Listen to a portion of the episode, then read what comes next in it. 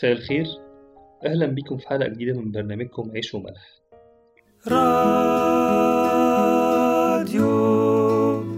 الملاحة.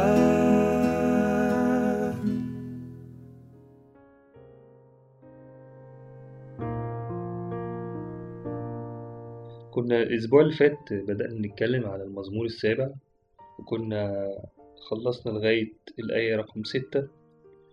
فأنا هقرأ معاكم دلوقتي من الآية رقم ستة لغاية آخر المزمور. قم يا رب بغضبك ارتفع على سخط مضايقي وانتبه لي. بالحق أوصيت ومجمع القبائل يحيط بك. فعد فوقها إلى العلا الرب يدين الشعوب. اقضي لي يا رب كحقي ومثل كمالي الذي في لينتهي شر الأشرار وثبت الصديق. فإن فاحص القلوب والكلى الله البار. ترسي عند الله مخلص مستقيم القلوب. الله قاد عادل وإله يسخط في كل يوم. إن لم يرجع يحدد سيفه. مد قوسه وهيأها وسدد نحوه آلة الموت. يجعل سهامه ملتهبة وذا يمخض بالإثم. حمل تعبا وولد كذبا. كرا جبا. حفره فسقط في الهوى التي صنع. يرجع تعبه على رأسه وعلى هامته يهبط ظلمه. أحمد الرب حسب بره وأرنم لاسم الرب العلي. هللويا.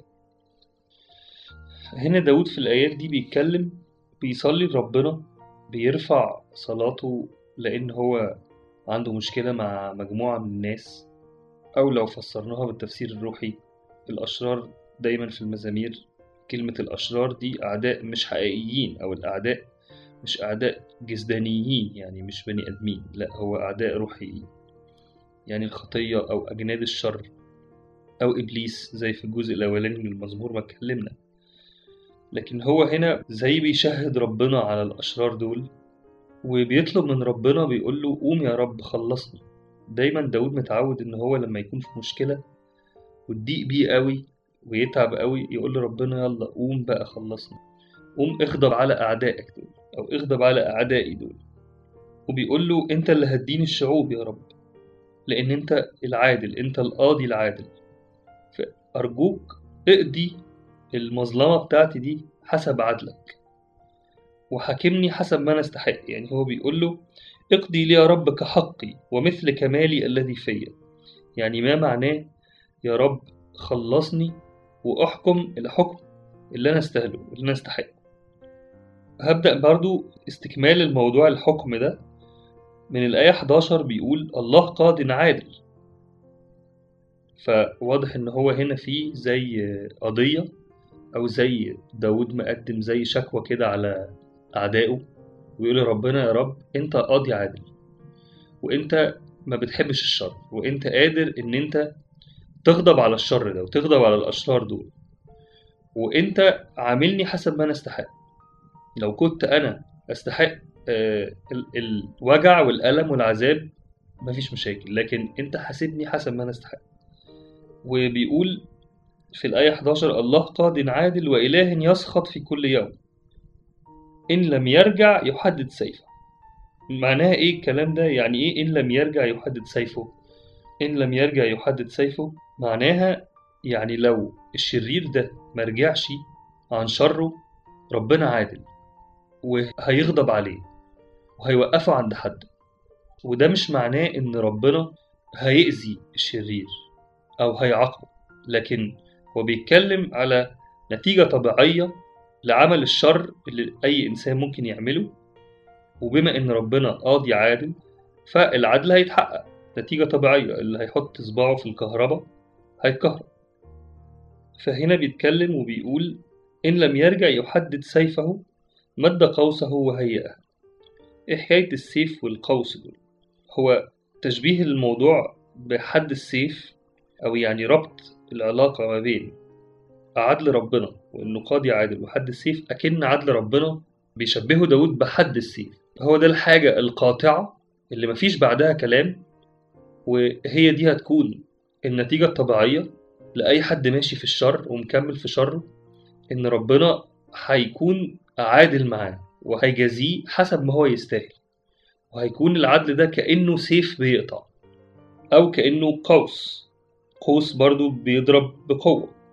وكمان آه، بيقول في الآية 13 يجعل سهامه ملتهبة. نفس برضو المشهد. مشهد إن عدل ربنا في مواجهة الشر أو في مواجهة الأشرار هيكون بالقوة دي. هيكون كحد السيف أو زي السهم القوي اللي بيطلق سهام ملتهبة. لكن في تفسير تاني برضو في حتة السهام الملتهبة دي بيقول إنه ربنا عادل آه. لكن سهامه الملتهبة بتكون متوجهة لقلب الشرير علشان يقدر إن هو يجذب قلبه. والسهام دي تفسيرها إن دي كلمة ربنا أو الكرازة أو التبشير أو الكلام الإنجيل تعاليم ربنا. إن هي ربنا لما بيلاقي حد شرير هو عادل آه. وعدله زي السيف لكن برضه بيوجه لقلب الشرير ده كلماته كلمات الحياة اللي تقدر إن هي تصحي ضمير الشرير ده وترجعه لربنا ترجعه عن طريق الشر ده.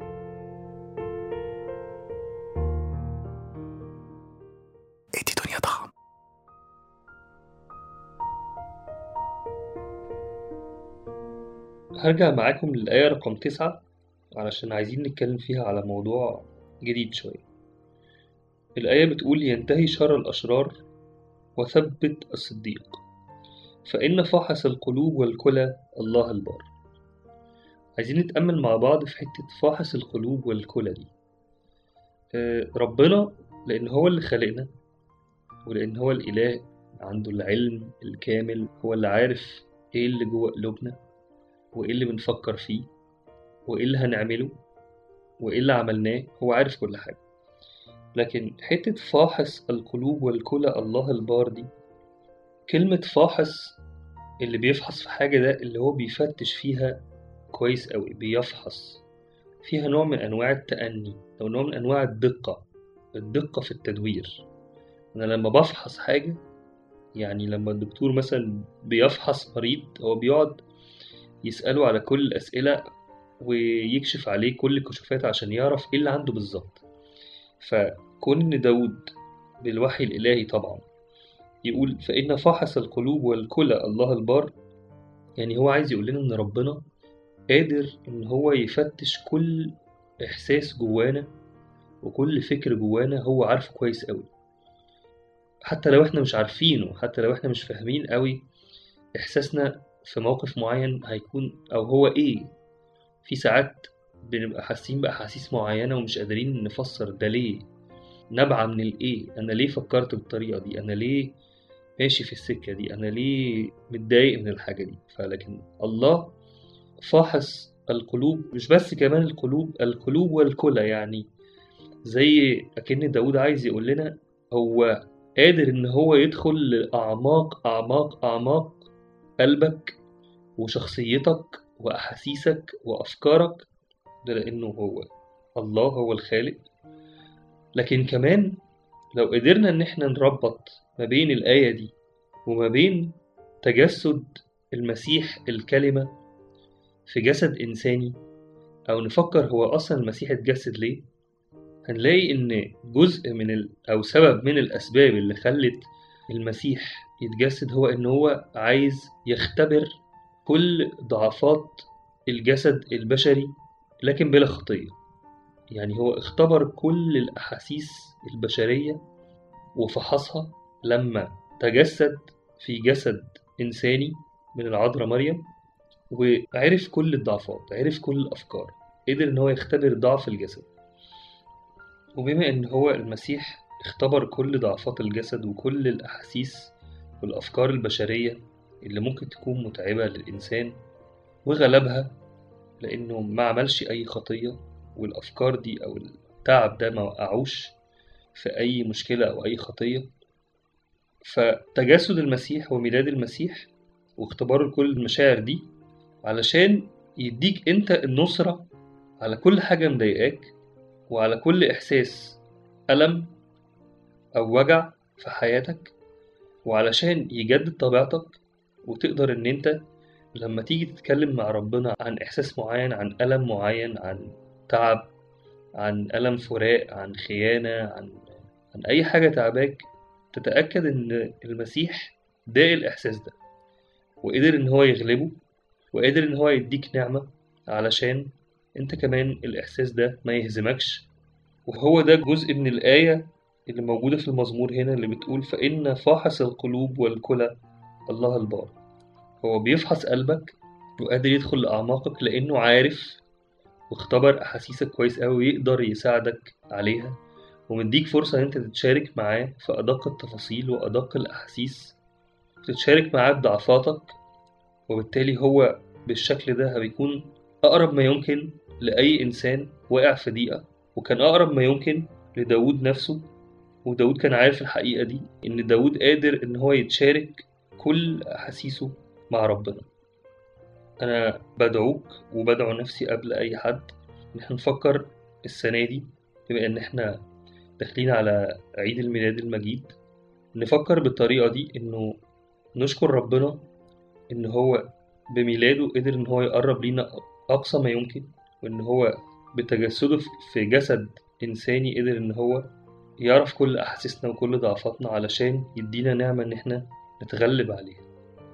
الترنيمة اللي هن- هنسمعها النهاردة ترنيمة من سي دي ملاحة عملته بمناسبة الكريسماس ويقدر أي حد يعمله download من على ال website بتاع ملاحة ملاحة dot com. الترنيمة اسمها لما بتأمل نزولك.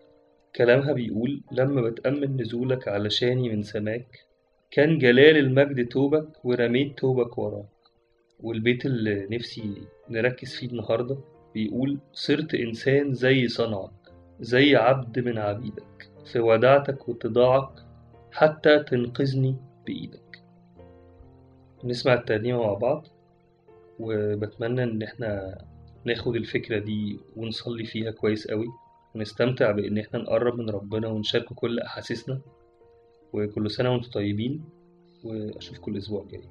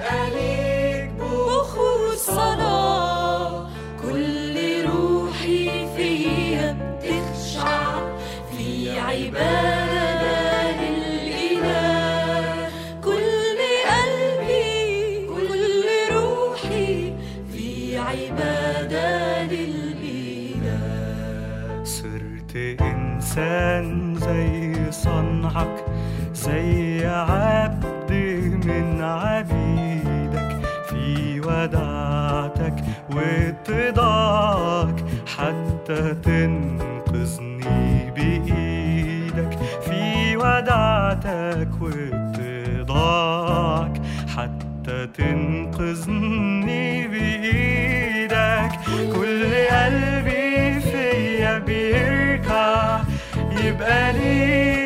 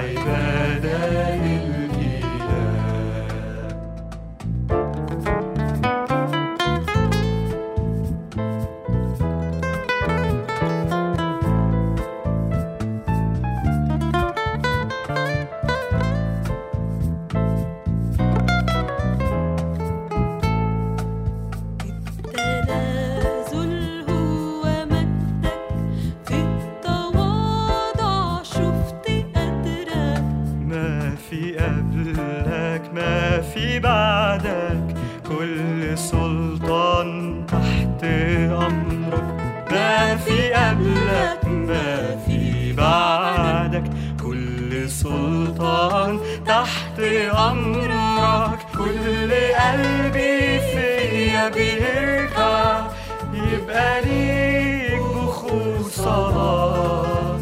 كل روحي فيا بتخشع. في عبادة للإله. كل قلبي كل روحي في عبادة